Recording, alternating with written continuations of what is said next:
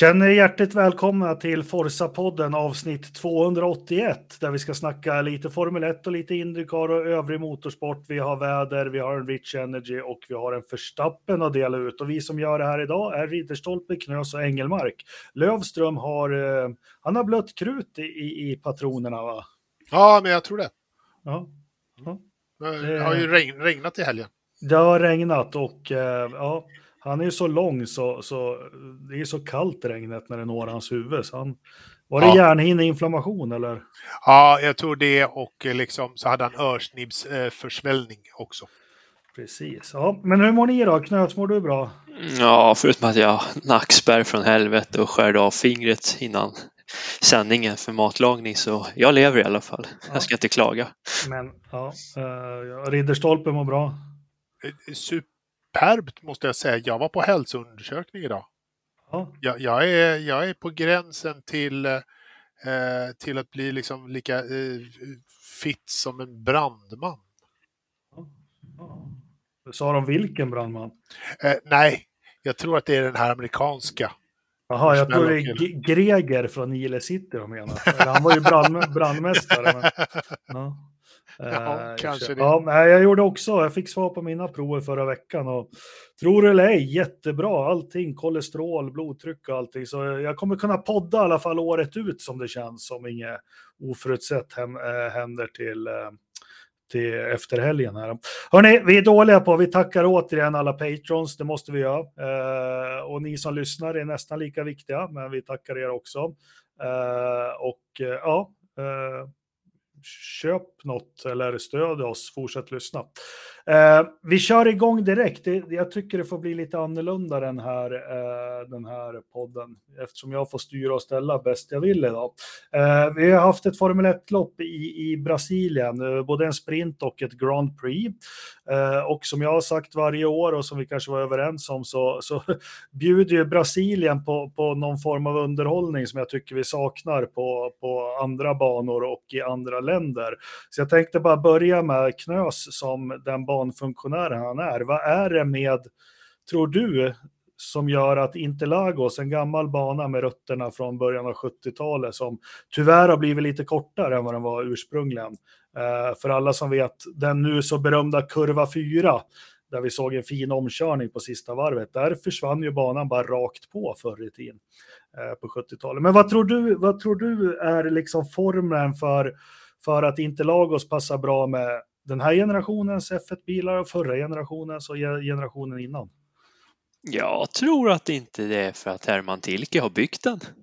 Kan det vara så enkelt? Inga hårnålar, det är bara snabba följsamma kurvor där föraren kan göra skillnaden. Alla kan ju bromsa in för en hårnål liksom, men när du måste chansa, satsa och hoppas på att försöka få med farten genom svängen varv efter varv efter varv och bibehålla kvaliteten i bilen och däcken och hela det köret. Jag tror det gör jätteskillnad. Vad säger du, Ridderstolpe? Jo, men om vi tittar på, på de banorna som vi eh, älskar och tycker är lite speciella så är det inte, det är inte överdrivet mycket tilke eh, på dem. Eh, liksom. Portimao har vi ju öst lovord om eh, och så där. Det är inte en tilkebana liksom. Och de har ju en viss känsla, en viss feeling och så där. Och han har ju sitt sätt. Jag säger inte att det är fel att bygga banor på hans sätt, men, men det sättet eh, är vi lite mätta på. Liksom, vi har lite för mycket av den varan just nu. Så vi, jag skulle hemskt gärna se någon annan, det har vi väl sagt förut, någon annan banbyggare som gör en bana, en, en tilke. Liksom. Ja, nej, men eh, den har ju bjudit, vi har ju sagt det inför lopp här i flera, eller inför poddar inför Interlagos i flera år, men um, den har bjudit på bra racing så länge jag kan minnas, eller som de började köra där igen 1991 på ett eller annat sätt. Och är det inte banan så är det eh, vädret som vi såg på kvalet som är väldigt nyckfullt och, och, och så. Men, äh, men vi får fortsätta fundera, fortsätta att diskutera i, i, i chatten här, ni som är med i livestreamen, varför ni tror inte Lagos funkar så bra. Men hörni, vi brukar ju ha en viss gångordning. Jag tänker vi skippar det här, för eh, självklart ska vi prata om loppet och de flestas prestationer, men eh, en gammal man som jag, jag var ju så till mig igår Så jag var tvungen att se loppet igen när jag hade lugnat ner mig lite. Eh, så mycket man nu kan hetsa upp sig i min ålder. Men, eh, eh och, och jag måste... Det, det Alonso, nu vann ju inte han, men det han visade upp igår, det är faktiskt det mest briljanta jag har sett på 40 år inom Formel 1. Och jag ska komma in på varför jag tycker det, för det kan låta förmätet, men det finns så många komponenter i hans körning. Och, och när vi tänker briljanta lopp så har jag lite på näthinnan. Jag tycker Ungern 98 när Schumacher kör en sjustoppare eller vad fan han gör. Mm. är ett briljant, men, men där är det där är det bara en komponent som spelar in. Vi har, vi har lite, vi har Donington 93 som, ja, han gör det jättebra sen, men han har en, en bil som är fyra centimeter högre än de andra. Eh, eh, förringar ingenting. Vad, vad, har ni för, för liksom på era näthinnor av briljans i ert F1-tittande som ni kommer ihåg? Ja, vad har jag? Jag som är den yngre generationen.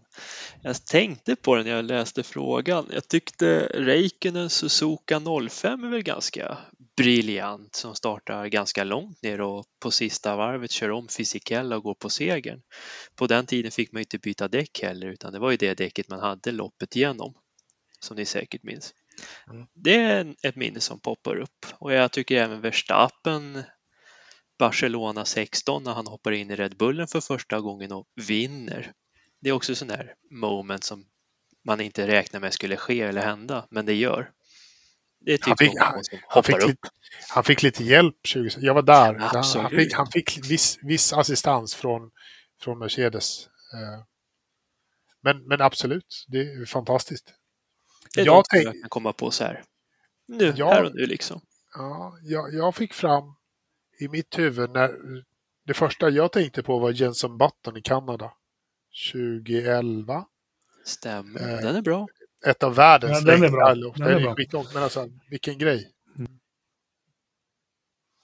Den, den kom upp för mig.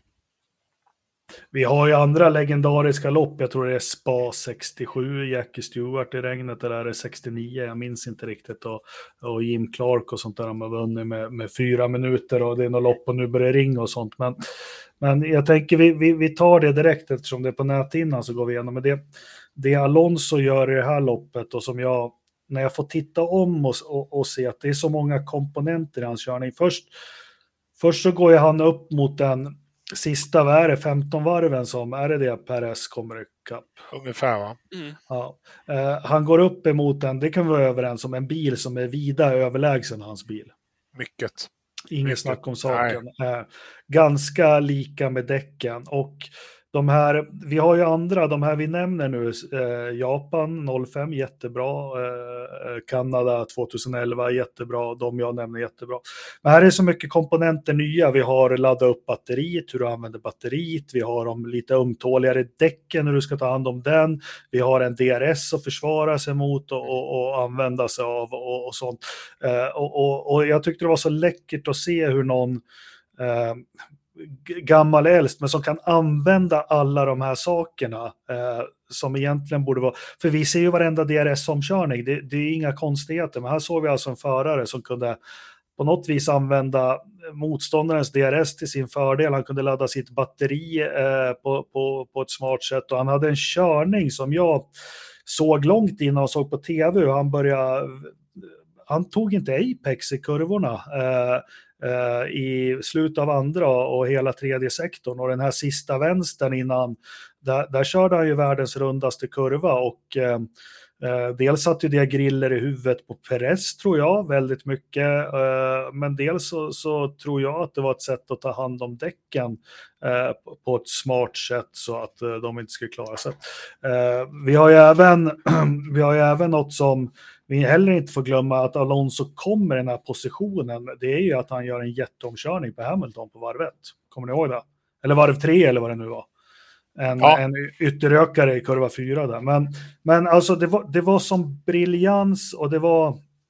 Jag vet inte, ta det vidare. Vad, vad, överdriver jag?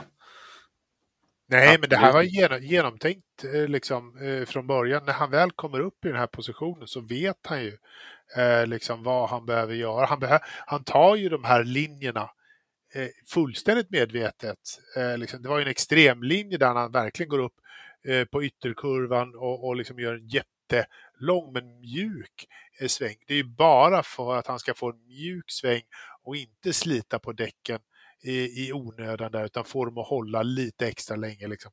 Allt är så otroligt beräknat och, och kalkylerat liksom från, från början. Genomsmart. Ja, jag håller bara med föregående talare. Det, mm. Han har någon tredimensionell tänk i alla sina körningar han gör. Det är faktiskt, se och njut. Det, det är inte alla som kör så. Nej, och i de här snabba, snabba Netflix-klippens era som är nu, och lika där han jobbar med DRS, någonstans vet han liksom, okej, okay, jag klarar honom i DRS, men det får aldrig gå under sju tiondelar. Jag måste se till att det är åtta, sju, åtta tiondelar vid varje DRS-punkt, för då klarar jag start och målrakan. Han såg ju till att hela tiden i Senna S, det blir kurva 3, Eh, så såg man tydligt hur han bara, han var inte bekymrad att ta sig igenom ettan och tvåan, utan sett utgången i trean, och, och han, var ju, han fick ju 10-20 meter varenda gång på, på Perez eh, där. Så då, då, hade han ju, då hade han ju tagit det hotet på rakan inför kurva 4. Sen kör han ekonomiskt, smart, sätter lite griller i huvudet på, på Perez igenom när det börjar bli lite eh, ja, men när det börjar orma sig lite här och, och, och, och tar han via ju kurvorna ganska extremt de här, dels i hästskon och, och, en liten hårnål som är där. För att sedan som ni säger, kurva 12, köra någon jätteradiekurva där för att, för att spara däck. Eh, men dock så, jag trodde ju i min enfald igår, jag var ju helt säker på att Alonso planerar att bli omkörd näst sista varvet för att kunna nyttja DRS och grejer, men det sa han i intervjuer, det var så var ju så, så där överskattade jag honom lite, för jag trodde på något vis att det var planlagt. Eh, han sa själv även också att han hade sparat sina däck otroligt mycket, så hade han börjat pusha när det var fem varv kvar. Men vad fan, då började ju Perres också höja tempo, så då blev han lite, och han trodde, han trodde först att det var över när han blev omkörd, men, men det som är Fernando Alonso, vi har lärt oss sedan 2001 när han körde sitt första lopp, det, den där karln ger aldrig upp och det spelar, han slåss ju så här om det är nionde plats eller om det är en seger eller om det är en tredje ja. plats. Och, ja. och, och, och, det är ingen duvunge, Perez är inte världens bästa förare, men det är ingen orutinerad. Liksom. Han har ju kunnat köra om tidigare i sin karriär och, ja. och fixa det där. Är det någon som har hört vad han har sagt efteråt? För jag har inte läst eller hört något. Inte läst någonting, men eh, det är väl liksom det som nu ska vi inte ta bort någonting från den här eh, hyllningskören till Alonso, men Perez hade ganska många varv på sig att se hur Alonso kör. Och han lärde sig aldrig. Han, han, han mm. hittade verkligen aldrig eh, liksom luckan. Och så erfaren är Sergio Perez att han ska faktiskt kunna lära sig hur eh, Alonso kör och hur han tar sina kurvor. Om han kör den här långa svepande kurva 12 Eh, Eh, så, så skulle väl ändå eh, Tjecko kunna förstå varför och, och liksom make a copy of it, liksom. kom igen. Eh, och, och lär dig någonting. Se hur du ska göra för att få en edge. Han gjorde ju inte det speciellt bra kan man väl säga. Han har ju en totalt överlägsen bil. Han skulle ju bara kunna blåsa förbi eh, Aston Martin som, ska vi säga, hade en bra helg. Riktigt bra. Båda bilarna hade en jättebra helg, så de hade en bra setup på Aston Martin jämfört med många övriga lopp. Men ändå, liksom Red Bullen är ju totalt överlägsen från Aston Martin nästan på alla punkter ändå. Så jag vet mm. inte, jag tycker att han borde ha lärt sig. Jag tycker att han borde kunnat läsa Alonso. Ja, och sen kanske få lite hjälp för depådisken. Och återigen, ja. där vi pratar med, nu, nu, fick vi att sitta och titta, vi, man såg ju, eh, ja, absolut skulle heta Bralonso istället, avsnittet. Tack Anders att du är med och bidrar. Nej, men det man såg tydligt på det här när, när han skördar energi och sånt på lamporna, att de hade ju helt, helt olika eh, eh strategier för hur de laddar sina batterier, när, var och hur. Och jag tror att Alonso, anledningen till att han körde lite konstigt i kurvorna, han liksom varje, varje hundradel av laddning på batteriet han kunde få där i mitten av banan tog han på något vis. För de blinkar ju inte de här lyserna på samma ställen på bilarna. Uh, och han hade ju alltid, han hade alltid kräm kvar i slutet på rakan Alonso. Gammal är äldst, vad säger man? Ja. Hur, hur, hjälpt, hur hjälpt tror ni han har varit som har kört väck? Jättemycket tror jag. Tror jag med. Det, ja. Berätta, jag har inte sett, jag har inte tittat väck. Berätta vad, på vilket ja, sätt. Det är hybridbilar och spara däck och, och, och, och energiåtervinning ja, och nöta mer... varv efter varv. Kanske inte idealiska spåren ja. utan där bilen presterar som snällast under 24 timmar. Kurva 12. Ja, Absolut. Kurva 12. Ja, nej, men häftigt var det i alla fall och, och, det här gjorde ju att jag, jag gav, vi skulle komma till omröstningen sen, att jag gav ett högt betyg. Men jag, jag tyckte det var, sen, sen, så är det tråkigt för den enda vi inte har sett Alonso gå upp emot någon gång, det är Verstappen faktiskt. Det är liksom, eh, har, har aldrig hänt något. Sen kan man hålla på och spekulera i, skulle Verstappen, nej, Nej, han skulle nog satt in och juldesperat eller någonting till slut. Men snyggt kört av båda och det är roliga att se med Alonso också att det var väl en gång han vinglade lite sådär, men det är inte de här desperata, så här George Russell, eh, ja men ni vet den här unga generationen, utan han försvarar sig som en gentleman för att eh, tolka eh, hur man skulle göra om man blev uppkallad i rutan på Stjärnsberg. Då skulle man ju försvara sig gentlemannamässigt mot rådsmedlemmar och sånt. Håller ni med om det också, att det var ju snyggt, snyggt hela tiden? Ja, ja, absolut. Det var verkligen eh, klass på, på, på båda två, eh, får jag säga. Liksom. Perez gjorde inga dumdristiga saker heller, utan han höll sig och, och gjorde liksom... När han väl körde om så gick det rätt, rätt bra till. Liksom. Det var inget, var inget snack om det heller. Nej. Nej, och det vi fick se också som är det, det tragiska är ju för de som kommer in i Formel 1 nu och tittar Eh, men hur det har varit senaste, oj, eh, Förstappen, tre VM-titlar, 52 vunna lopp. Och så kollar man på Alonso, han vann för, men liksom, jag, jag, tycker att Alonso visade upp, han kanske inte är snabbast, snabbast längre, men han visade upp en dimension som jag, dimension i, i sin körning som, jag har inte sett oss Förstappen än, jag har inte sett oss Lewis än, uh, jag har inte sett oss någon annan på startgriden, just där han gjorde. Uh, är ute och cyklar, Knös? Science Singapore. Okej då, ja, ja med han. men det var väl enda undantaget som bekräftar regeln. Nej, men det, det är som du säger, det han visade upp, det var bara ett njutbart skådespeleri och jag tror inte jag sett Alonso i den här jättefina formen någonsin egentligen som han visar upp här och nu. Visst har man sett tendenser i startögonblick att han tänker lite extra men att göra det här sista 20 varven egentligen, eller egentligen hela loppet ska jag väl säga. Men det är en fröjd att se faktiskt. Mm. Ja. Ja, men innan jag kissar på mig helt ska vi, ska vi, ska vi, ska vi lämna det då och kanske prata. Men eh, vi har i alla fall eh, min hittills eh, säsongens prestation är ju hittills har jag en, eh, jag, jag tappar språk, jag är helt till med. Eh, jag nominerar det här till, nu har vi några lopp kvar till säsongens prestation i alla fall. Ja. Eh, men ska vi gå in lite på loppet? Vi kan väl börja med, vi hade ju två olika kval, det här stör ju ut helgen för mig. Vi har ett kval när Aston Martin går bra, ett dåligt. Eh, vi har ett hemskt väder som kanske inte ställer till det så mycket, men det var fränt att se hur jäkla mörkt det blev. Ja, vilka bilder, kolsvart liksom. Ja. Och det, det störde ju de sista minuterna. Bantemperaturen sjönk och då tappade de ju tid direkt. Ja. Uh, det, ja, nej, det drar in fort ovädret när det kommer. Det har vi sett i lopp historiskt i alla fall. Men jag tänker om vi börjar med, uh, om vi tar, uh, vi har ju en kvalincident också som jag vill, det är Ocon och Alonso. som Ocon for, fortsättningsvis hävdar att Alonsos fel. den Alonso, det, jag tycker det är ett friskhetstecken att man inte ger något straff för, för ja, det, det är Ocon som tappar sin bil och Alonso kan inte försvinna upp i luften. Nej, och sen är det så typiskt Ocon att, att liksom så här bångstyret hålla fast så här. Nej, jag har minsann inte gjort något. Det var mm. inte jag. Det är som en femåring liksom. Mm. Det, men det, han är sån. Eh, mm. Det, han håller fast vid, vid sin stålpunkt. Det får man väl också ge honom att han håller.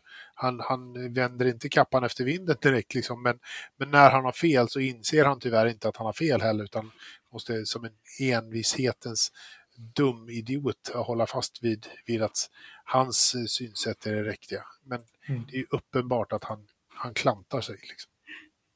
Ja, ja, han tappar ju baken helt och hållet. Ja. Och, och Kons ursäkt är ju lika i klass med Russells jävla ursäkt också efter kvalet, för han fick ju två platsers nedflyttning. Mm.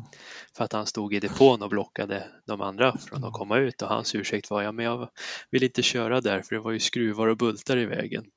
Ja, eller hur? Jaha, ja, ja, det, det, den var ny. Ja, det är bara spä på. excuses liksom. Det är bara att börja spä på vad jag tycker om Russell, men det, det kommer också till eh, lite senare. Men ja, men det är olyckligt. Sen är det lite lustigt, den där kurben var många som, som fick uppställ där i Senna SS.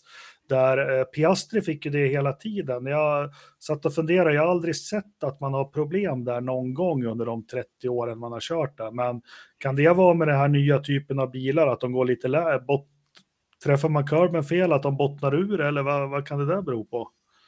Skulle det kunna vara, eller att det är så mycket ground effect ur dem så att det sugs ner på ett annat sätt än vad de andra mm. bilarna gjorde. Det är ändå en mm. nedförsbacke med kompression. Ja, ja, ja ganska rejäl nedförsbacke. Mm. Men, ja, men det var bra gjort av domarna att hålla sig kalla. Jag tycker ja, även, nu har vi hyllat Alonso också. Han kunde ju sagt att han kom en jävla klantärsel liksom som Hallå, jag ja. gav han hur många bilbredder som helst. Han får väl hålla det på banan, men jag tyckte han låg lågt där också. Men eh, sprinten, hur, hur, vad ska vi säga om den då? Det här var nog den bästa sprinten de har fått till, tycker jag av alla sprintar de har kört. Även om Verstappen har vunnit hälften av dem så tycker jag det här var där det hände saker hela tiden varje varv.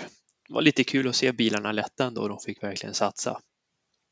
Det var väl likadant. Förra året var ju det här en av de absolut bästa sprinterna ja, också. Så det funkar. Den här, den här banan funkar ju för, för sprintformatet eh, väldigt mycket. Nej, jag tyckte sprinten var kanon. Precis så, så som man vill att den ska vara. Det är liksom, ärligt talat, det är så jag vill att Formel 1 ska vara.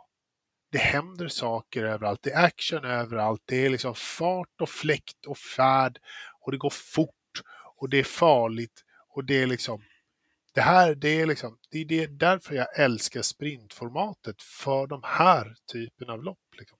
Mera sånt här. Jag vill inte ha liksom sprint på Kota bövelen. Det funkar ju inte. Det, Nej, det är helt värdelöst. Men här är det liksom jävlar. Och vad, är, vad, vad var den där yt, yttre slingan som vi har hyllat tidigare? Det, det var inte Abu Dhabi. Shakir-banan ja, i men alltså, Bahrain. Bahrain, precis. Den var ju också, den är gjord för sådana här saker. Skitbra liksom. Mer, det här är liksom, jag vill ha mer sånt här. Då skulle man kunna ha lite nya banor, eller nya, men Brands Hatch. Ja, hade ja, det varit alltså, något? Alltså, vad fan, varför inte köra en helg med bara ett sprintlopp? Måste du ha ett GP också i samband med sprintloppet? Varför måste du ha det? Varför måste du köra på samma banor? Sprintformatet är ett format. GP-formatet är ett annat format. Varför måste de hänga ihop? Ja, kostnad och bla bla bla, naturligtvis. Men eh, vad fan, det går säkert att lösa med Brands Hatch och Silverstone. Enig, enig. Lite som Race of Champions var på 70-talet. Det behöver inte vara poängutdelning. Det är bara kul. Pengar, vad vet jag. Ja, whatever liksom. Vad säger du Jakob? Nej, jag är emot det här med sprint. Jag tycker att en helg ska vara, vi nämner ju ordet Grand Prix, har ju en mening historiskt också, att det är, det är själva loppet, kronan på verket. Sen håller jag med om att det här det här, eh, det här eh, sprinten var, var ju bra, men alltså, samtidigt så bleknar ju det när det blir ett bra lopp också, som det blir på en bana. Det, alltså skulle den här sprinten varit typ på Paul Ricard och varit så här bra, då är det en annan sak. Så, så, så sprinten, jag känner bara nu att den har bleknat lite i mitt... Eh... Men det behöver inte, behöver inte vara någon motsättning, liksom. bara för att GP är, är bra så behöver inte det påverka att göra, göra sprinten sämre. Sprinten var ju jävligt bra. Det betyder inte att GPs glans försvinner på något sätt. Jag tycker inte det vi ska ha det som någon motsättning mellan de två. Bägge två var ju som vi tittar på undersökningen om en liten stund, båda fick ju fantastiska betyg. Alltså Mm. publiken älskade det.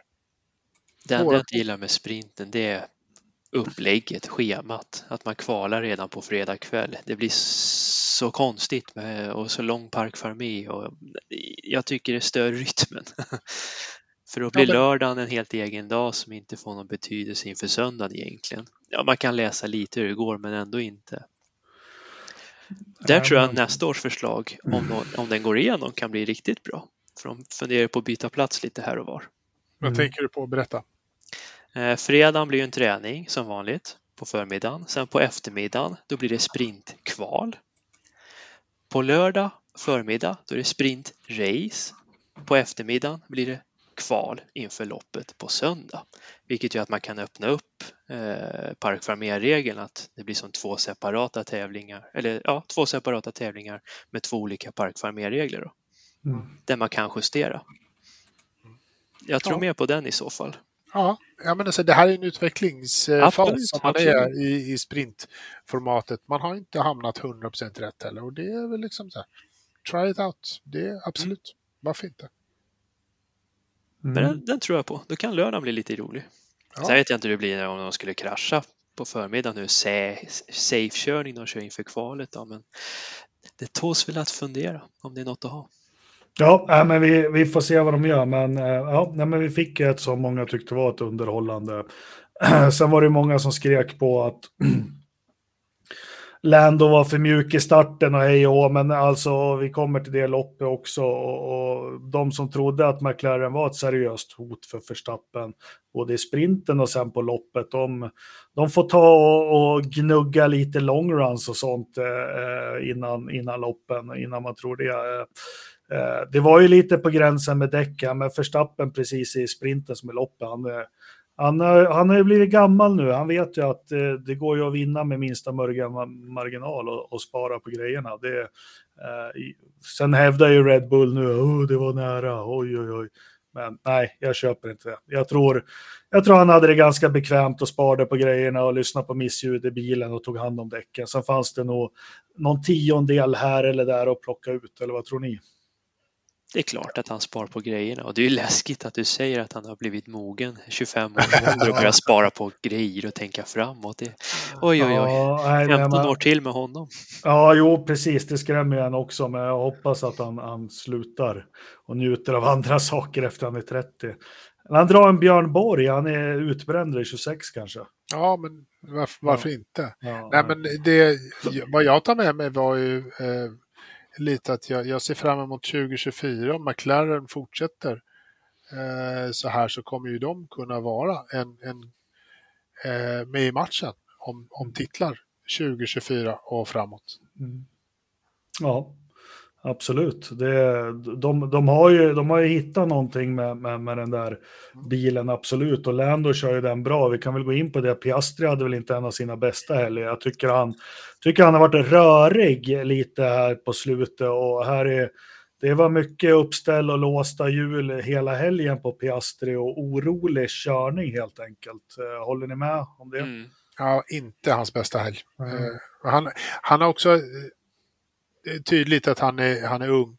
För han, kommer, han kan inte släppa och eh, liksom göra en omstart eh, på helgen. Utan om den börjar lite sådär svajigt och det blir uppställ här och där. Så fortsätter det gärna så. Liksom. Han har svårt att släppa och göra annorlunda.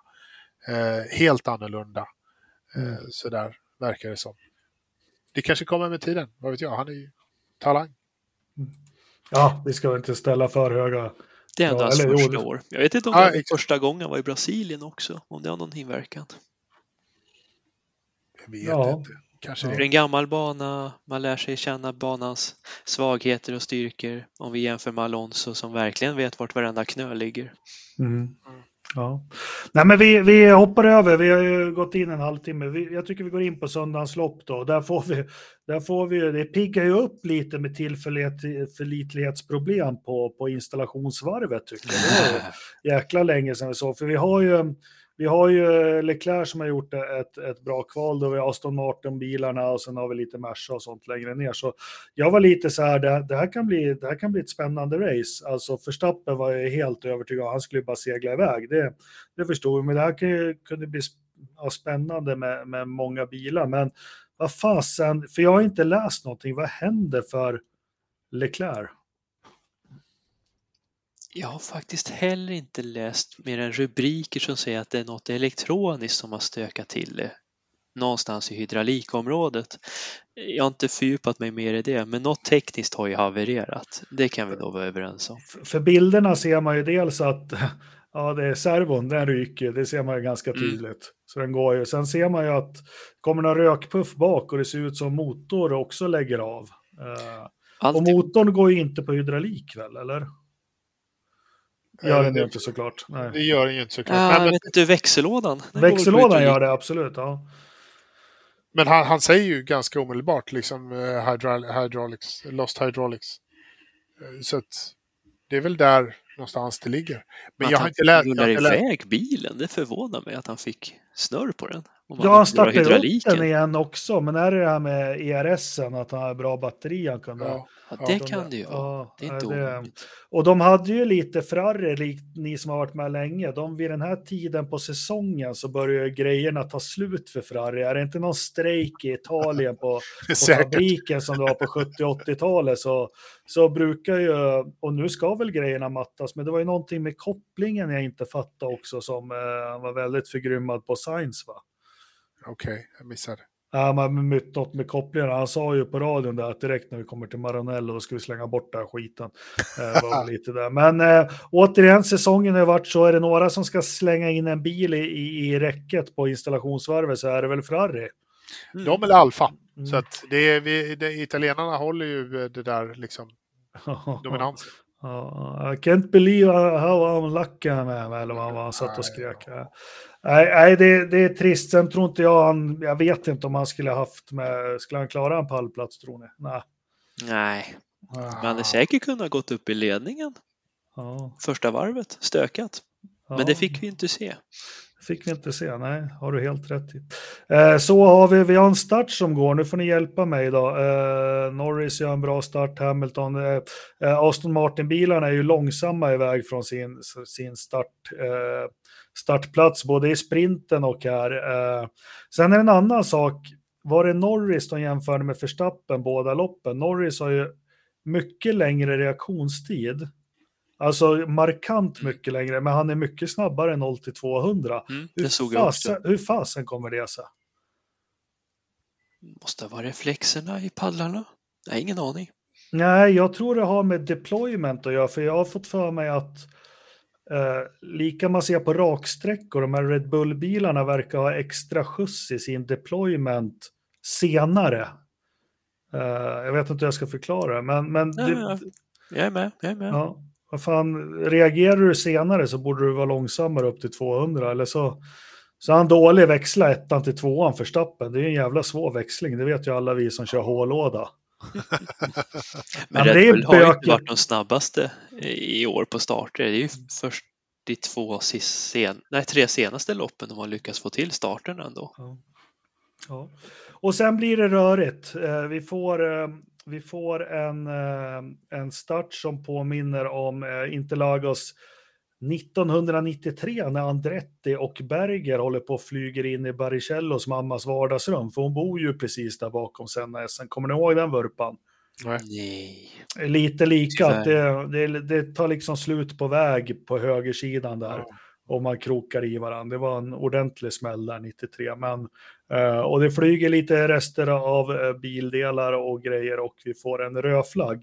Och här tänker jag, skötte man det här rätt och riktigt Patrik, du som vid banan, att man kör en safety car först och en, eh, en, eh, en rödflagg sen och så får vi två bilar som får ett varv minus. Jag tycker inte det här kändes bra.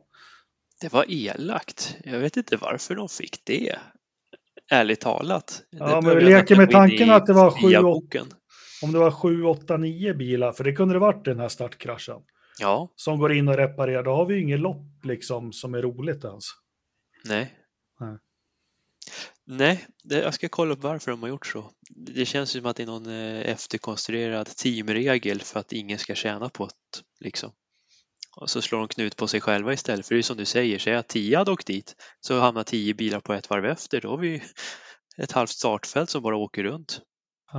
Ja. det blev knepigt i alla fall det tog lång tid att sopa upp banan. Och, eh, Man behövde vi... byta lite techprobarriärer och lite sådana saker. Så, ja, Ut med gaffeltruckar och de behövde städa kort och gott. Ja. ja. men jag tycker de är snabba. Brasilien är duktiga ändå. Jag tycker alltid de har varit duktiga på att få undan bilar och, och, och, och städa upp och så. De är, men det är en bana med tradition och mycket motorsportsevenemang. Ja. Till skillnad från ja, banor i Mellanöstern, Asien. Mm, mm. Uh, nej men då får vi i alla fall Piastri, det är både Piastri och Ricciardo får väl bakvingarna kvaddade va? Uh. Ja, Piastri vart ju påkörd av mm. Hylkenberg va? Så han fick ju golvet ja. lite uppkört där. Med ja. Och det var ju ren tur hörde jag, för när han kom in i depån var det någon som bara hade nuddat hans bakvinge, för de hade inte, men den satt ju helt löst, så det kunde ju bli en otäck grej att bli av med den, det har vi ju sett förut. Där vart rödflaggen hans räddning, för han mm. skulle ju brutit egentligen. Ja. Uh, men vi får iväg de två bilarna i alla fall till, till en, en omstart då, eller vi startar om loppet igen. Och nu får ni hjälpa mig att ta mig igenom, liksom, för jag är fortfarande uh, jättefnittrig över sista tredjedelen, så ni får hjälpa mig med de två första tredjedelarna. Vi kan väl fortsätta berätta hur startkraschen gick till. Det var ju Albon som var längst ut på höger och Hylkenberg var i mitten som blir sandwichad av Magnusen. Magnusen åkte illa ut där. Precis, och klippte in varandra. Det var därför det blev den här stora kraschen och Albons däck lossnade ju så den studsade och träffade ju då eh, Ricardos bakvinge som blev helt knäckt där då. Precis. Bara för att förtydliga varför vi fick rödflagg från första början.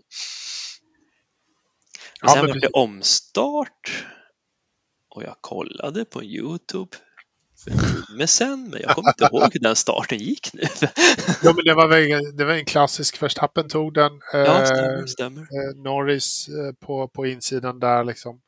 Det var Aston mycket... Martin långsamma väg. Nej, men det var väl ganska odramatiskt. Det var en normal start, kontrollerad start. Ja, men sen var ju Mercarna var ju inte speciellt bra. I den här delen Nej. av loppet så var de ju inget vidare liksom och, och eh, de försökte teamköra lite. Sen blev Russell sur på, på sin kompis. Och så här, är det, ska vi teamköra eller inte? Eller, ja, just det, han bölade där i Ja, han bölade lite stand över radion. Det var så jävla menlöst. Liksom. Var det Perez som kom och körde om tror jag? Ja, men, men jag, är så, jag är så trött på att han bölar. Och sen så bara äh, patron nu liksom, som Lövström idag. Han bara viker ner sig. ja. Nej, men jag, jag, är, jag är... Kan ni, Nej, jag är så är... trött på George Russell. Jag är så trött på honom. För nu, det är fan prestera, sluta inte. Nej, det kan inte han, med pojken. Han har fått lite för mycket eh, liksom in, Instagram. Eh, eh, liksom. Mm. Det, det, är hans grej Han ska springa runt där och vara barbröstad. Mm. Knä, knös, vad tycker du om vårt hat? Nej. Hat och hat, starkt ord, men man får ju ha olika meningar och synpunkter. Det säger jag ingenting, mm. ingenting med. Du tycker han är en brittisk gentleman du? Ja, han är för mesig för mig. Ja, jag tycker, ja, ja. om vi ska prata brittisk gentleman, då tycker jag ju Hill eller Coulthard eller Button är betydligt roligare. Tony Brooks. Ja, kanske lite före min tid, men jag vet vad du menar i alla fall. Ja, ja. Nej, nej, men som jag Russell säger... var gnällig. Lite ja, motgång så gnäller han och då vill han ha hjälp från hela världen. Såg ja. inte hur det gick till liksom. Ja, så får han inte gehör men... för det då. Ja. Men så jag säger, han har på något, någonstans, han gick ju på myten om sig själv liksom efter det här inhoppet han fick göra. Och, och jag liksom, det började, det sa jag sist också, jag fick svårt för honom när han gick och klappa Bottas på huvudet efter att han hade manglat honom på Imola. Mm. Och sen så har det liksom bara fortsatt. Förra året så gör han det bra sportsligt, men, men uh, sluta snacka och sätt dig och fundera på hur du verkligen ska sopa banan med Lewis. För det är det han måste göra. Han, det är det han måste göra. Mm. Inte sitta där bakom och säga att ja, jag säger ingenting på radion så att ni ska göra uppenbara och be Lewis. Kör om han då för fan. Mm. Eller ja, vad, som helst. Och sen när det inte är omkörning, då tappar han ju fem sekunder direkt. Mm. Vilken jävla, ja, nej. nej, så, men, men men, till- Men till, till samma generation är ju Alex Albon.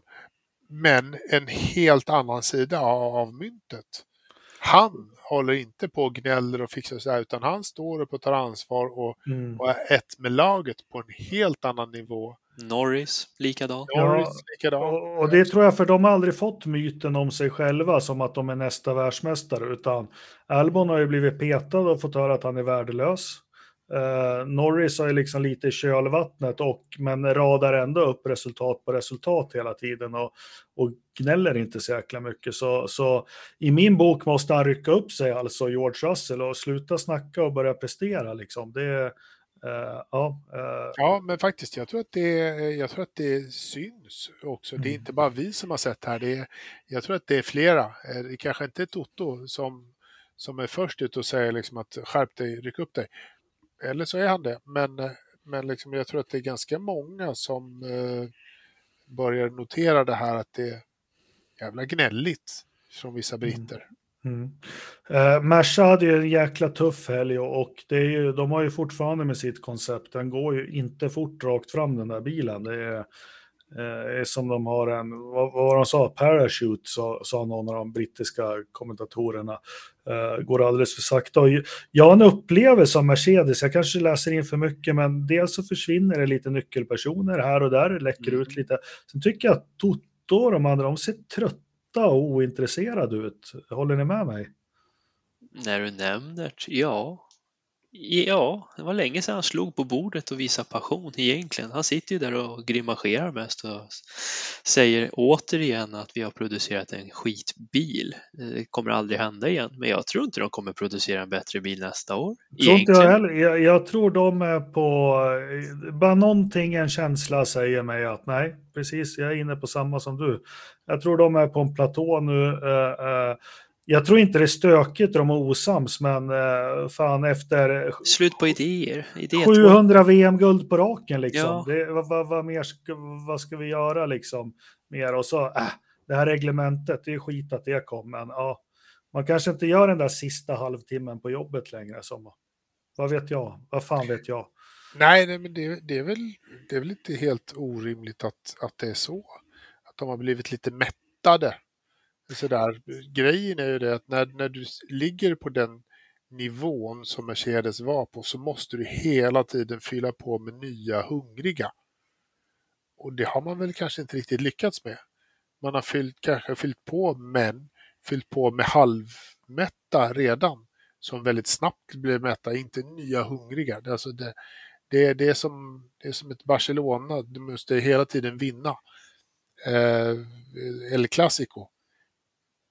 Och då måste du ja, fylla på med nya hungriga eh, talanger och spelare i, i det läget. Och de måste fylla på med nya hungriga tekniker som tänker nytt, funderar annorlunda, inte gör samma gamla vanliga om och om igen. Eh, liksom man, man ska få folk att, att utmana.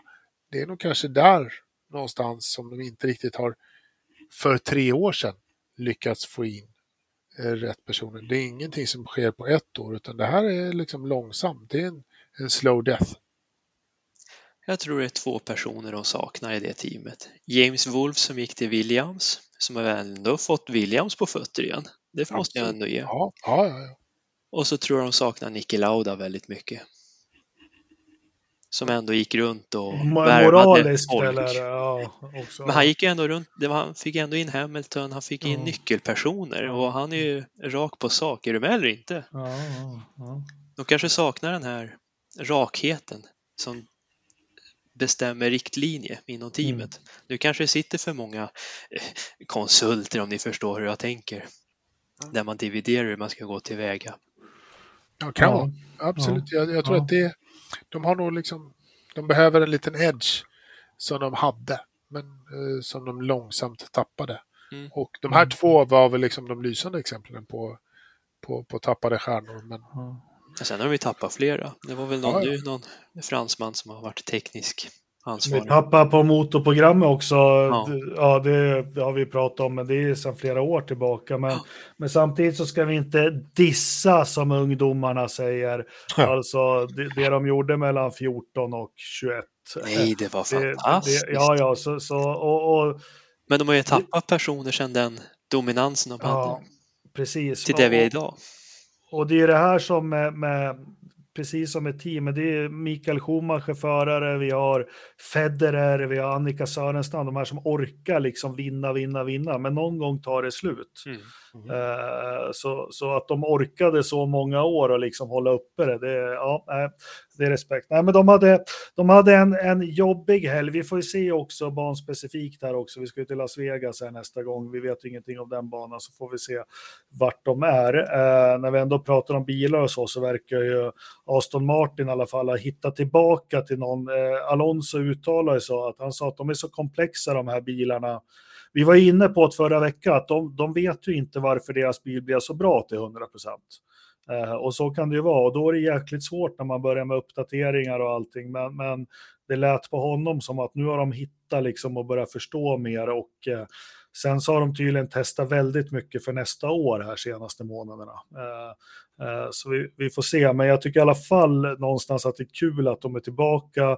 Eh, sen tycker jag inte det är så kul. Det var ju någon som skrev här på Facebook, jag tror det var Olle, att Stroll gör ett bra lopp och är bara fem sekunder efter Alonso, så det är egentligen han som är loppets stjärna. Men, men om till och med Stroll kan, kan sätta den där bilen högt upp så, så har de ju hittat rätt någonstans med några inställningar. Nu kommer jag med en, mm, vad ska vi säga, en teori. Brandfacka. Ja. Mercedes gick i urkast den här veckan. Kan de ha kört bilen något högre Ja, ja, för att vara oroliga det som hände i Texas för att Mm. vara en sprinthelg? Kontra Aston Martin som kanske vågar gå lite lägre. Och vi tar det andra kundteamet med Merca motorer också, för det jäckar mig. De är ju sämst av alla som har en Det är Merca-propeller där bak. Det och det, det, det här, det vi var med om förra helgen, jag tror du är inne på någonting där. Eh, och återigen, vi snackar ju inte om att köra bilen en halv meter lägre eller högre, utan eh, två, tre millimeter kan göra en djävulusisk skillnad. Så ja, du kan vara, vara inne på någonting där. Eh, och då kommer vi in på det här med de här värdelösa Park reglerna som vi har under sprinthelgerna också, som liksom du är doomed. Eh, ja ja. Så nej, men där är du inne på någonting tror jag. Vi, vi får se vart vi har eh, Merca eh, nästa helg. Och vi gått igenom Ferrari. Har vi något att säga om eh, Sainz lopp då? Han var mellanmjölk, gjorde Ja. sitt jobb, fick bilen i mål. Plan B, Det- Plan C? Det var inte mer än så. Återigen, bäst, bästa Det- Ferrari. Ja, det, ja. hans melodi. Det är väl det de verkar vara nöjda med nu för tiden, det här miljardteamet från... Vad är det, vad är det Niki Lauda säger i Rush-filmen först han provar? All these facilities and you make Ju- a shitball. Exakt. Jättebra replik. Ja, You can't ja. say so. Why not? It's a Ferrari. ja, Ja, det det- är det- klockrena scenen. ja, jättebra. Eh, nej, men ja, Ferrari, vi har pratat nog om dem. Uh, Perez har vi pratat om, Verstappen, ja, han är ju i zonen. Eh, han har full kontroll på det här loppet också. Ja, det har han. Inga problem. Ja, det Eh, var ju lite coolt där att Norris, var det varv åtta, skrämde honom lite ändå. Ja. ja, men det är också så här, vad händer då? Men sen det vart det inte mer än så. Det vart lite ett antiklimax.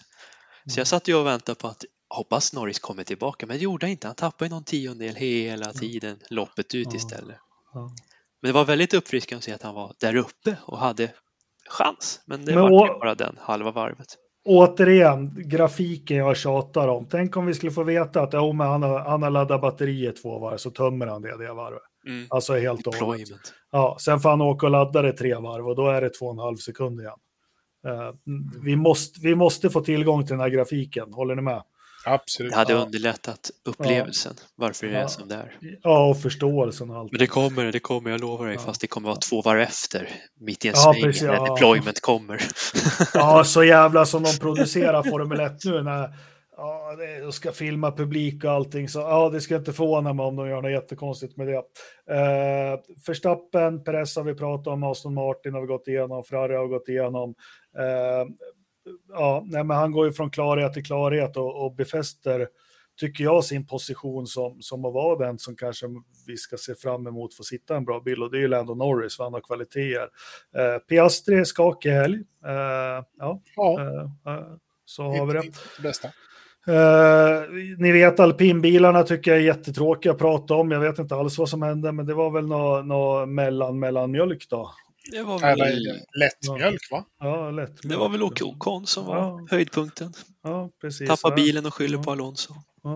Eh, eh, Alfa Tauri har ju hittat fart, det har de ju gjort. Och, eh, Jättespännande. Vad hände där? Har Ja. du eh, läst Red Bulls mail på sistone? ja, eller Adrian varit nere i, vad heter det, Fienza? Faenza? Ja, och, och, bara skruva lite kanske. Det vet man ju inte. Ricciardo gör ju, jag satt och räknade under hela tiden, han gör ju ett kanonlopp, alltså ett varv.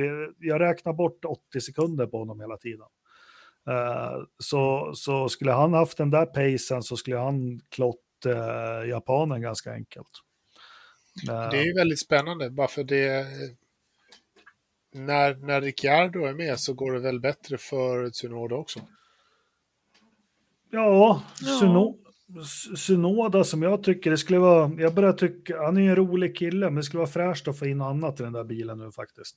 Det är tredje året han gör nu va? Ja, det, och vi har väl i ärlighetens namn inte sett någon jätteutveckling. Nej, det har vi väl inte, men... Han slog Nick de. Vries.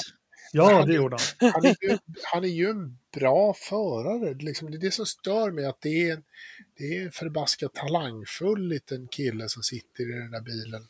Ändå. Liksom, jag ville bara att på något sätt så vill jag få honom att kräkas fram det här också och visa det. Och liksom bara spjälka fram det. Visa att du är och kan köra den här bilen fort. Liksom. Håll inte på och svär och fokusera på annan skit. Fokusera på att köra bil. Jo, han ska svära. Det är det som är underhållningen. Mm. Beep man, beep beep man. ja, så han så fantastiskt dålig på, på Engelska, Ja, ja. Ja, fortfarande. han är, ja, det är hade varit skoj att se honom i en Red Bull. Typ på Suzuka bara. Ja, på Suzuka. Se bara, vad han ja, gör. ja, Ja, det, Jag tror att det hade gått fort utav helvete. Ja, jag tror det. Alla det. japaner kör ju fort utav helvete där. Men vi, jag kommer ihåg flera år sedan Felix var med som har kört i Japan. Jag kommer inte ihåg vad han sa, men vi frågade honom varför, liksom, varför får inte de till det, japaner, i form? För alltså det är ett land, jättemycket racingserier, jättemycket alltså, tradition, banor. Och det är inga dåliga serier i Japan. Nej, Fabrikanter. Superformula är skitbra. Ja, ja, visst. Pengar. fabrikanter och bilar och allt det. Men de får aldrig till det i, i, i högsta klassen. Det är, nej, jag väntar på en japan som kommer vinna lopp regelbundet och utmana om eh, titlar. Det skulle vara kul. Har inget, de har tyvärr de har det för bra där hemma. Det är det. Dels så tjänar de tillräckligt mycket pengar, Ja. det är en bra serie kom, och liksom, eh, bra, bra kvalitet, bra nivå på det hela. Och om de kommer, när de kommer till Europa så måste de förändra sig jättemycket. Mm. De kan inte språket, de känner sig lost och tappar sig själva. Yuki Tsunoda är nog den, den bättre eh, engelsktalande föraren som har kommit på, på ganska lång tid. Sato, Sato. Sato, Sato, Sato. Han, Mm. han livsfarlig för fan. Men Mm. eh, Men ja, fort gick det. jo, jo. Alla kan trycka liksom så här rakt fram kan de många köra fort. Sen kommer det Nej. andra bilar i, i närheten och sånt där och då blir det ju farligt. Sen ska det Mm. svänga samtidigt. Då blir det ett rent helvete. Precis, ja men eh, de, har- de har i alla fall hittat något. Jag vet att Albon var lite faktiskt oroade över deras fart. Race pace nu gick han ut och sa, såg jag någon rubrik om.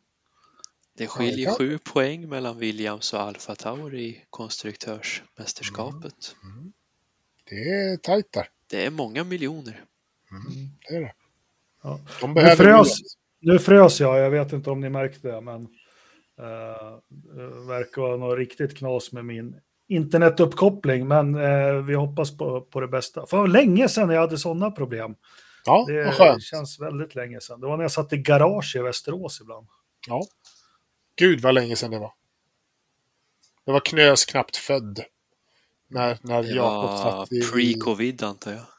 Ja, det var pre-covid och det var liksom ett liten tältstol som han satt på eh, där i, i garaget. Och hade det väldigt kallt. Mäktigt.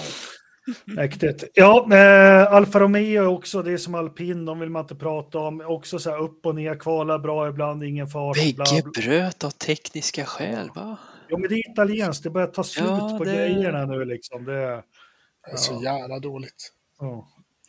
Det är ett tråkigt team.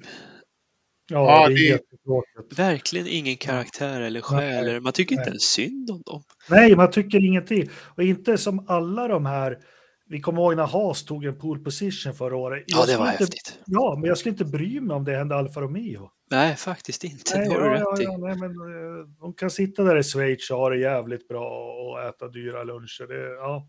Det finns ingen energi över det hela. Nej, överhuvudtaget. ingen Nej. energi. Helt, Ingen energi Nej. alls. Det är helt botten ur. ja, nej, helt det, bort.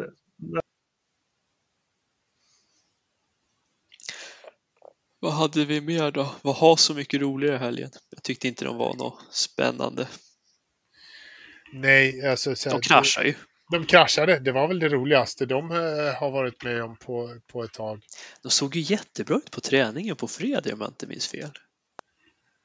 Oj, jag Men såg det inte. var det enda.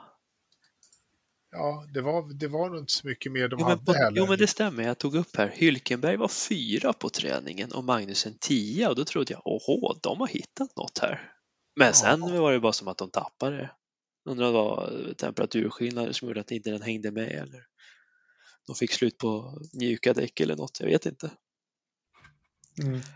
Vad tror Ja. du Engelmark? Haas var väl ingen upplyftande? Nej, inga upplyftande. De, de har ju problem där och vi får väl se Drive to Survive vad, vad Gene säger när, när Günther ringer upp honom efter loppen. Men eh, We look like a fucking bunch. Ja, ja, precis. Nej, men nej, nej, vi får se. Inget kul alls. Så Williams hade jag väntat mig mycket, mycket mer av. Med Albon, det var väl någon track limits och, och, och grejer. Nej, han hade också otur i kvalet där. Jag trodde faktiskt Williams. Ja, han var struken va? Ja, eh, jag trodde han lätt skulle ta lätta poäng det här loppet, för det, det är en bana som skulle passa dem. Sen har vi Sargent kom väl 11 va? Ja, ja så så han, han börjar rycka upp sig lite, frågan är om det är för sent. Sent, sent om sidor Ja, kan man väl ja. säga där. Mm. Men jag tänker vi tar en liten kort så, vi kommer ju fördjupa oss mer i det, men har vi något nytt på Silly då? För det, det är väl en stol som är osäker. Vi måste vara ärliga och säga att det är en stol i Red Bull som är osäker fast han har kontrakt. Eh, där kan ju vad som helst hända. Vi har en stol i Alfa Tauri som är osäker med Ricciardo eh, och vi har en i Williams. Har vi några andra öppningar eller hur? Ja, var det inte jättesnackis att Alonso ska till Red Bull och så? Ja, men han skulle stämma skiten ur alla. Exakt, exakt. Det vart ju jädra hallå där på presskonferensen på torsdagen. Den som har sagt det här kommer få konsekvenser. Och så Helmut Marko gick ut idag, eller läste jag idag. Nej, det där sa jag Alonso själv för att sprida. Det var väl lite roligt. Jag gillar den där gubben faktiskt. Ja, jag tror för första gången är det någon sen Flavios tid, men jag kan tänka mig att han fick ett Facetime-samtal från pappas roll. Mm. Säger, jag, jag har inte tid att prata med dig, jag har bara 20 sekunder, men det är det här jag ska säga. Eller hur? Nej, låt oss se vad som händer. Ja. Men jag tycker det är jättetyst om vi ska se Williams sits där som Ja. är den riktigt tomma om man säger så. Jag hör varken bu eller bä om det är Schumacher som ska in eller om Sargent blir kvar eller, eller om det kommer någon helt annan random som inte jag tänkt på. Men min känsla är att Williams försöker långsamt bryta sig, för de har ju varit i klorna på Mercedes och, Tot Mm. och alla. Eh, det, är bara någonting som säger mig att de skulle må bra av att och bryta sig ifrån det och börja få starta sitt eget liksom, program med förare. För de har ju satt en Russell där och det, ja, men det har varit lite, eh, lite sådär. Eh, Mercedes juniorteam. ja, och och jag tror de skulle må bra av. Sen är det väl rykten. Var det Williams Honda det rykten, eller vad var det det var rykten om? Någon annan? Det har ju alltid varit kopplingar till dem, men det är nog nostalgiska skäl. Men jag kan Mm. absolut tänka mig att det finns någonting där, att man vill göra något samarbete med framtida Aston Martin. Mm. För det är dit de kommer att hamna och då, då tappar ju, idag finns det ju fyra Honda-motorer. Mm. Så går de till Aston Martin, där de två, då kanske de vill ha en till team och då kanske Williams Mm. ligger nära till hans. Ja. Om man vill bryta sig loss eh, det tyska greppet så att säga. Får vi en blå, vit och gul bil då? då? Det hade väl varit snyggt. Ja. Canon. Det är, det är väl inte helt omöjligt att den gula färgen gör, gör lite mera eh, comeback. Men eh, jag tror absolut du är någonting på det att de vill bryta sig fria lite från, från Mercedes-eran. Eh, det är väl det som talar emot Mick, att han kommer att sitta i, i den där bilen. Men jag tror inte att Logan Sargent sitter kvar. Det, jag tror att det där tåget har, har körts för, för Ja. ganska länge sedan. Liksom, han är inte kvar. Så är bara frågan, men diskussionen är väl vem det är som, som sitter i den egentligen. Det slog men- mig helt plötsligt nu. Drugovic. Han är väl Aston Martin-kopplad och har pengar. Ja, men är inte det för tidigt? Alltså, tror inte du de tittar på um, Liam Lawson? Då? Lås att de ska ha två Red Bull-kopplade förare. Mm. Honda. Mm. För, Ja. för, för, alltså alla vi gillar ju Mick. En jättetrevlig Ja. prick, ödmjuk, men han, han, han, har, nej, han förtjänar inte som Albon eller några andra en andra chans i Formel 1. Han tror jag sitter i en eh, väck alpin nästa år. Ja, Om det ska det vara någonting. fräscht. Ja, lite Ja. så faktiskt. Ja, ja, ja. Nej, men vi får se, det kom väl med Silly här vad det lider, men det, det är de stolarna. Vi får se. Det är fortfarande ingen rök utan eld, Perez, Ricciardo som vi, som vi brukar prata om. Eh, men hörni, vi har ju Las Vegas, när kör vi det? Om två veckor. Ja, Två veckor. Tidigt race också, eh, svensk tid. Morgonkvisten. Klockan sju på morgonen går racet. Nila Lövström. Ja, det är bra. Då får man vara uppe tidigt och, och mata katten eller vad han nu gör. Ja, och våran toppfunktionär här, har de koll på grejerna där? Är de klara med allt i Las Vegas? Jag har inte hört något skrämsel så det nog funka den här gången. Men det var väldiga problem här om månaden när de, när de nekade utländsk arbetskraft. Då gick det någon Nevada delstatslag in och sa att nej, nej, nej, nej, då ska de skattas på ett annat sätt. Men det tog de tillbaka för de upptäckte att de inte hade funktionär då helt plötsligt. Nej. Vad vet vi om banan då? Eller ska vi ta det nästa vecka? Det ser kanske? ut som en upp och nervänd gris jag sett på lite Ja, det, det, det gör det verkligen. Ja. Eh, Men den är ju lite det här vi pratade om, tråkiga. Det är såna konstgjorda 90 grader och, och hårnålar och grejer. Men, men eh, jag hoppas att de lyckas få Amerika att det blir ett riktigt jävla spektakel. För nu är vi verkligen i Amerika, Las Vegas. Ja, det är det. Att- Ja, och jag vill se ap mycket kändisar för en gångs skull. Mycket kändisar, mycket eh, halvnakna kvinnor och, och liksom USA, eh, pompoms och, och cowboyhattar höll på att liksom, men nästan så. Ja, Jag vill se en Elvis. ja, ja en Elvis och så. ja, ja, gärna. Ma- Mike Tyson ska ju vifta målflagg.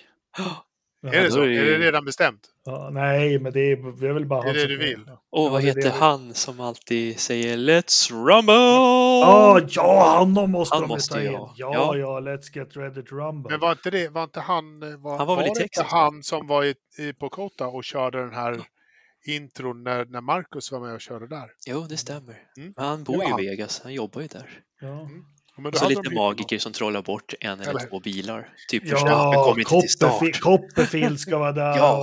och Ronnie Millsap ska vara där och sjunga I wouldn't have missed it for the world. Det Nej, kommer nej. bara bli ett jippo den här helgen känner Det är klart det kommer bli... Jo, men det är det det får lov att bli. Häftigt. Ja. Det ska, ja, mycket. Jag hoppas de gör något roligt, någon stor enarmad bandit och liksom, ja, nej, det här ska bli. eh, Ja, ja. Vi Och så hoppas- hoppas jag att det blir något så här på torsdagen, att de träffas på, vad heter det kändaste hotellet där? Caesar Palace. Precis, och så står Bottas och sprutar champagne ut i publiken. Jag trodde du skulle säga att han skulle stå där eh, barbyxad. Ja, jo, det kan jag ju kan jag också. Dra Men någon form av eh, välkomstgrej kommer det vara. Någon välkomstshow som ska Ja. sändas också. Ja, Bottas sprutar champagne. Ja, alltid. Alltid. Fast i London. Men här, den går ju förbi, banan går ju förbi Caesars eh, Palace och Den kommer gå till strip och så förbi Ja, ja. fontänerna och alltihop. Och så kommer den ju runda den nya Sphere. Det är ju en jättestor Mm. Globen med en jätte-tv-skärm. Ja. ser helt... Alltså, det är så många roliga bilder jag sett med den där man kan göra. Den roligaste är att sätta en jättestor smiley på den och titta. Ja. Det tycker jag är Ja. roligt. Ja, Barbara Streisand och, och de här måste ju... Ja, nej, det, vi hoppas det Herregud, blir... nu det, nu är det gamlingar inne. Så det finns Ja. ju ungdomar också. Ja, jo, det, det, Michael Bublé kommer att sjunga nationalsången. vem är det? Precis, det är den nya Frank Sinatra. Han Varför kan man inte AI Vi kan väl, men vi med vill inte. Elvis? Det Vi ska kan, vara vi Elvis vill- när han var fett i den här vita Ja, vi, flamsa... ja, ja, ja. Vi kan, men vi vill inte. Nej, vi vill inte. Ja, vi lämnar det, men du, du har helt rätt. Det ser verkligen ut som en upp och nervänd gris, eh, Mm. banan. Eh, jätteroligt. Jag tänker på eh, eh, en av de bästa skivorna som har gjorts, kom 1977. Det är eh, Animals med, med Pink Floyd. De hade ju Ah. den här gr- grisen som flög då över ett kärnkraftverk. Eh, skitsamma, den ser ut som den grisen, verkligen. Eh, vi snackar upp det mer eh, nästa helg, eller nästa poddavsnitt tycker jag. Okej. Eh, så, så går vi och kollar på undersökningar. Ska vi, ska vi köra sprinten? Har du något du behöver lägga ut eller ska du bara dra resultaten rakt av? Jag kan dra resultaten bara så här lite rakt av faktiskt. För att eh, vi börjar med sprinten så måste jag säga att det har sällan varit sånt eh, övervikt till ett alternativ som det var på sprintracet. 137 röster och 111 av dessa var på en och samma. Det är så, över 80 procent av rösterna var på ett och samma alternativ. Vilket alternativ tror ni det var? Två? Nej. Två. Nej, men eh, jag satt Fyra. fyra, fyra på mina. Fyra, precis. Alla, alla tyckte att det här var ett jäkligt bra. Så att snittbetyget blev 3,85 på, på sprinten. Eh, sjukt bra. Alltså 111 av 137 röster på, på fyra. Det är jätte, jättebra.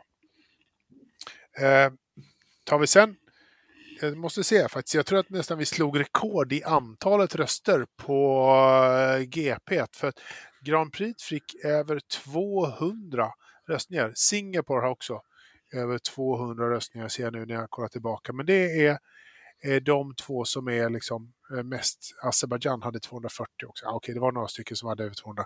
Men liksom 209 eh, röster på, på Grand Prix. Och även här en fantastisk övervikt på eh, fyra.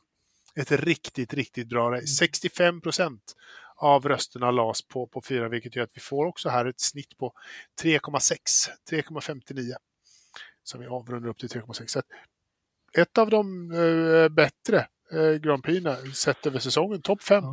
Ja. Och, och sen jag som är eh, purist då, men jag måste 13.55 ska en, eh, ett lopp eller sändningen starta. Men jag gillar, jag, jag gillar den här 18, 19, 20 är perfekt för ett lopp att starta en söndag. Eller vad säger Helt värdelöst, det är mitt i middagen.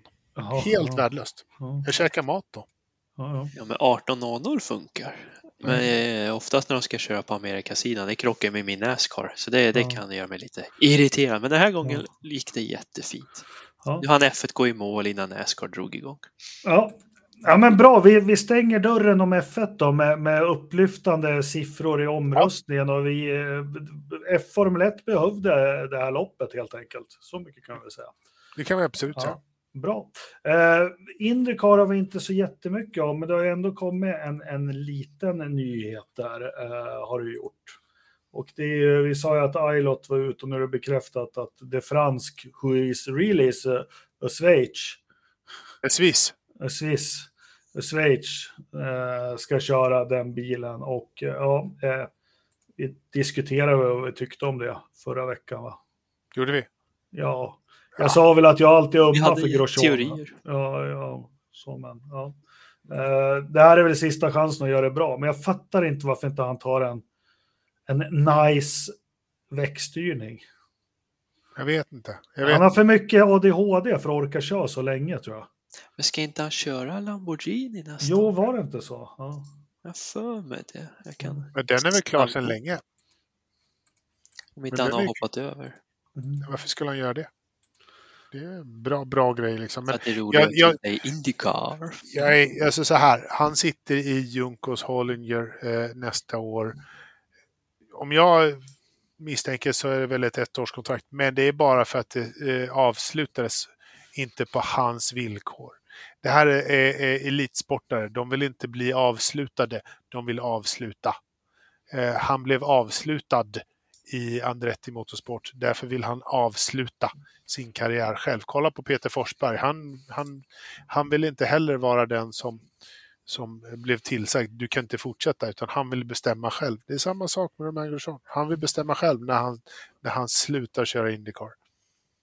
Han vill inte liksom bli kickad. Ja, men det är enbart därför han sitter i den här bilen. Vad, spe, vad har det här med hela Andretti-situationen att göra då? Är det klart nu? Är det löst? Förlorar han rättegången eller? Nej, den, den är en helt annan... Det är en helt banan. annan business. Det är en helt annan banan. De får eh, juristen hålla på med. Men vad tyst det är om den nu då? Eh, Ja, det slog mig nu. Vad Ja. händer? ja. Nej, men det är väl, eh, de är väl inne i stiltje. Antingen så samlar de data eh, under en tid, några veckor, eller så eh, sitter de och förhandlar. Oavsett så kommer det inte läcka någonting innan det är nästa steg. Antingen så blir det publikt domstol tjafs eller så är det, ja men vi kom överens och vi säger inte hur mycket han fick. Men han fick bra betalt. Mm. Kan bli så. Ja. Det är Men- omöjligt. Har vi inte andra saker att prata om när det gäller eh, Indycar då? Jo, men vi har ju, vi är inte riktigt överens om vi ska göra det, men eh, vi har ju lite Indycar-feber. Alla är överens om att nästa säsong ska bli jäkligt spännande och eh, imorgon kommer vi eh, sätta oss och göra en intervju och ta ett snack med Linus Lundqvist faktiskt. Eh, det är väl den på hela Indycar-griden som jag helst vill prata med. Mm. Vi har faktiskt varit lite dåliga på det här med intervjuer och gäster ett tag. Vi har inte riktigt haft ork och det, men Eh, Linus har vi haft med förut och eh, nu har vi med honom igen. Så imorgon eh, eftermiddag kommer vi göra en intervju och prata med honom. Självklart så måste vi hitta någonstans där ni lyssnare av podden kan få ställa frågor. Givetvis kan vi inte ställa alla, men eh, ett par kan vi i alla fall ställa. Så eh, jag vet inte, ska vi starta en tråd för det på Facebook? Det är väl inget kul för då ser alla andra frågor frågor. jag vet inte, vi får väl lösa det på något sätt. Nej, men vi gör så här, ni mejlar till christianatforsapodden.se med era frågor. Eh, Självklart. någon fråga ni ställa. Eh, eh, sen tycker jag att vi ska lägga ut den här intervjun live på YouTube imorgon när vi intervjuar honom och sen lägga ut den som podd. Men det, det får vi förhandla om. Eh, men eh, vi är jätteglada i alla fall att vi, vi, vi ska snacka lite racing och, och sånt med, med Linus. Eh, så det kommer publiceras närmsta veckan i alla fall, en intervju med honom och då får vi igång lite, vi får igång lite Indycar-feber också, eller hur? Jag hoppas det. Ja. Eh, Men eh, övrig motorsport då, Patrik?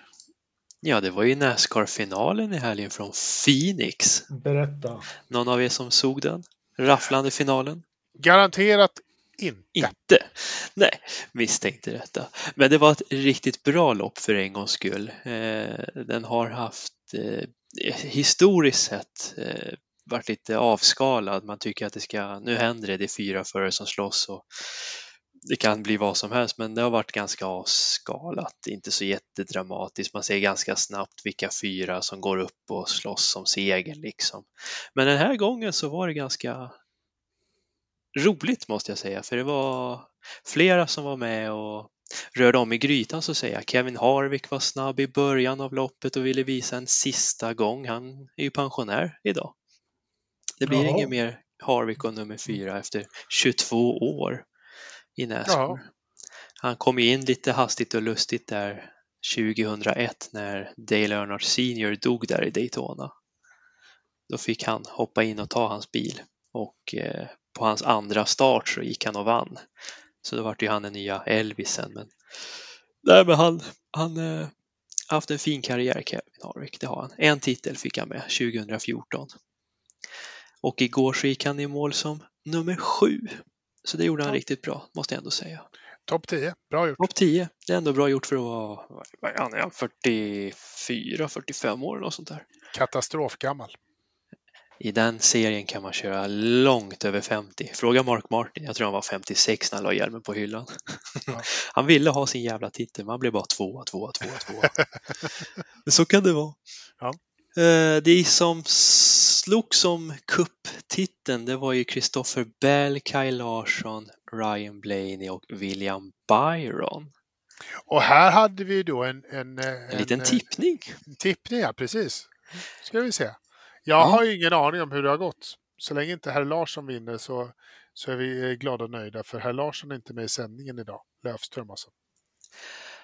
Han förlorade. Bra! Yes! Då är vi nöjda, eller hur? Ja, Mycket. skit, skit resten. Eller hur, eller hur? Ja. Eh, Byron startade på pool före Truex, Harvik 3. Larsson var fyra i det kvalet. Eh, vart hade vi? Jag Blaney tippade Byron. Jag tittade på, tippar Byron. Och Blaney startar 15, så där är utgångsläget, startar lite långt ner. Men sen går starten och i Stage 1 går Byron hem och vinner den. Harvick tvåa, Chastain trea. Det var ett stökig första stage för Blaney och Bell, men de kom ändå 9-10 och fick lite poäng, så att säga, stage points då. Sen efter depån, när de fick skruva och ha sig lite, då hittade de någonting. Men Byron backar. Varför vet vi inte, men Hendrix-bilarna funkar inget bra på långkörning längre. Så här blir Byron och Larsson lite lidande och Chastain går jättebra tillsammans med Butcher och Harvick i Ford fortfarande. Och i Stage 2, där försvinner Christopher Bell för han har sönder bromsarna. Så han gick rätt in i kurva 3. Har de bromsar på de där? Det har de, det har de. Ganska Knäck, bra bromsar nu för tiden. Ja. Ja, det, I hans fall vart det knäckebrödskiva och bromsskivor överallt. Så den förstör han helt och hållet. Så han är uträknad. Så nu är det bara tre förare kvar som slåss om titeln. Då. Och det spelar ingen roll vart de kommer, bara de slår någon av om varandra. Det är fortfarande ett full race med 36 startande liksom. Så först över mållinjen vinner då.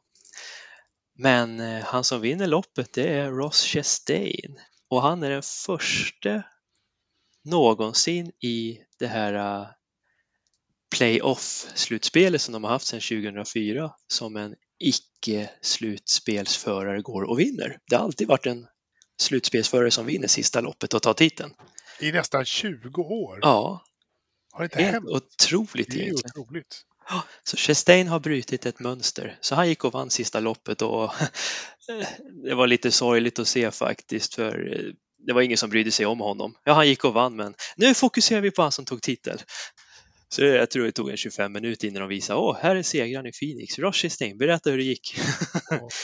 men han som tog titeln och blev även tvåa i loppet, det var Ryan Blaney. I Penske.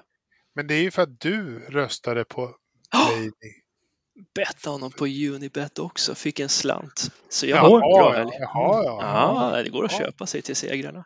Ja, jag märker det. Det var som fasiken. Ja. Så det var hans första titel. Mm. Och han gjorde det bra, han kämpade. Och Larsson blev trea och Byron fyra, så det var ju de som gällde, som slogs om titeln. Så att min kille blev sist. Nej, han Jo, blev trea. av de fyra som, som kunde vinna så blev han sist. Nej, eller? det vart Bell, Kristoffer Bell vart sist. Ja, okej, ja, okej, bra. bra. Så trea, trea vart. Ja, bra. Larsson tvåa och Blaney etta. Men det var ett riktigt spännande och bra lopp de sista 30 varven. Är du nöjd? Och, ja, men jag är nöjd. Det vart en rolig säsong. Efter 36 poänglopp och 38 race så är vi i mål före Formel 1. Bara det känns ju lite speciellt. Ja.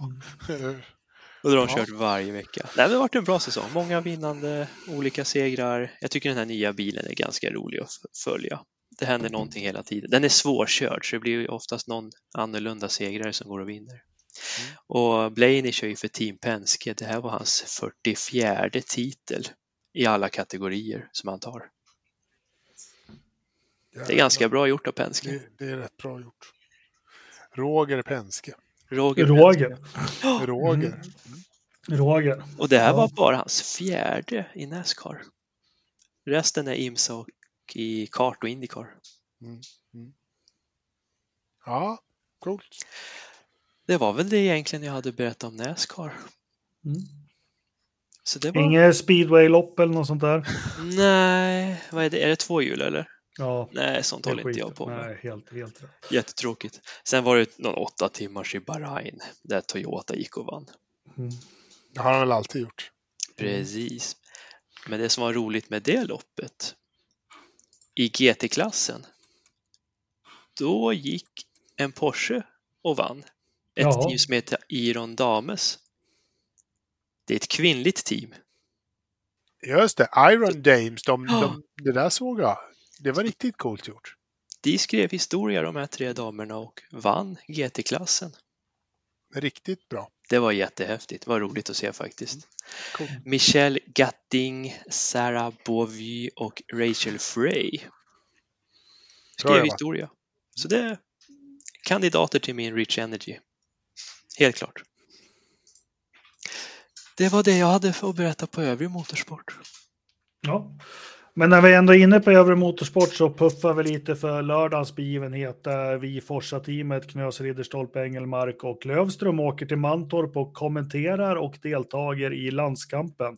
Eh, faktiskt efter eh, ett av de roligaste eh, arrangemangen inom motorsport i Sverige. Eh, det är Sverige mot Norge, så Låt oss trycka ner de här norrbaggarna som hela tiden går och sjunger ramsom om att de kan köpa Sverige när de vill, vilket tyvärr är sant. Det kan de ju göra. Eh, men låt oss i alla fall visa att vi är lite bättre upp och kör bil.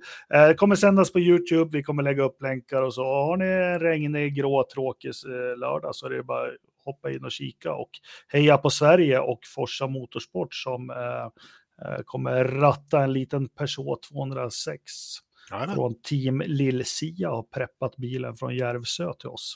Eh, Så är det. Lördag, eh, racestart klockan 10 tror jag. Jag vet inte, jag kommer inte köra, jag kommer sitta och prata. Ja. Eh, Så att, jag kommer nog sitta och prata från 9.30. Eh, Engelmark kommer köra första stinten i alla fall. Är det så? Japp. Ja, så cool. eh, en, eh, som ni vet, en startkrasch piggar ju alltid upp. Så, ja. ja en, li- en liten brasa piggar ju upp. så jag ska dra en första vänster, den här riktiga jävla T-bone. Alltså jag vill se ert förarbyte sen när du tar bort extrainlägget i stolen för att Anders ska få plats. Han, han tar bort Du- hela stolen han han gör en polisskolan. Det är Ja, ganska Vi, kul. vi har mätt, han är så jävla orolig att han är, är, är för, för stor. Ja, knös har vi sagt Anders. Men vi, vi mätte våra, jag var ju bredare över ryggen än vad Anders är.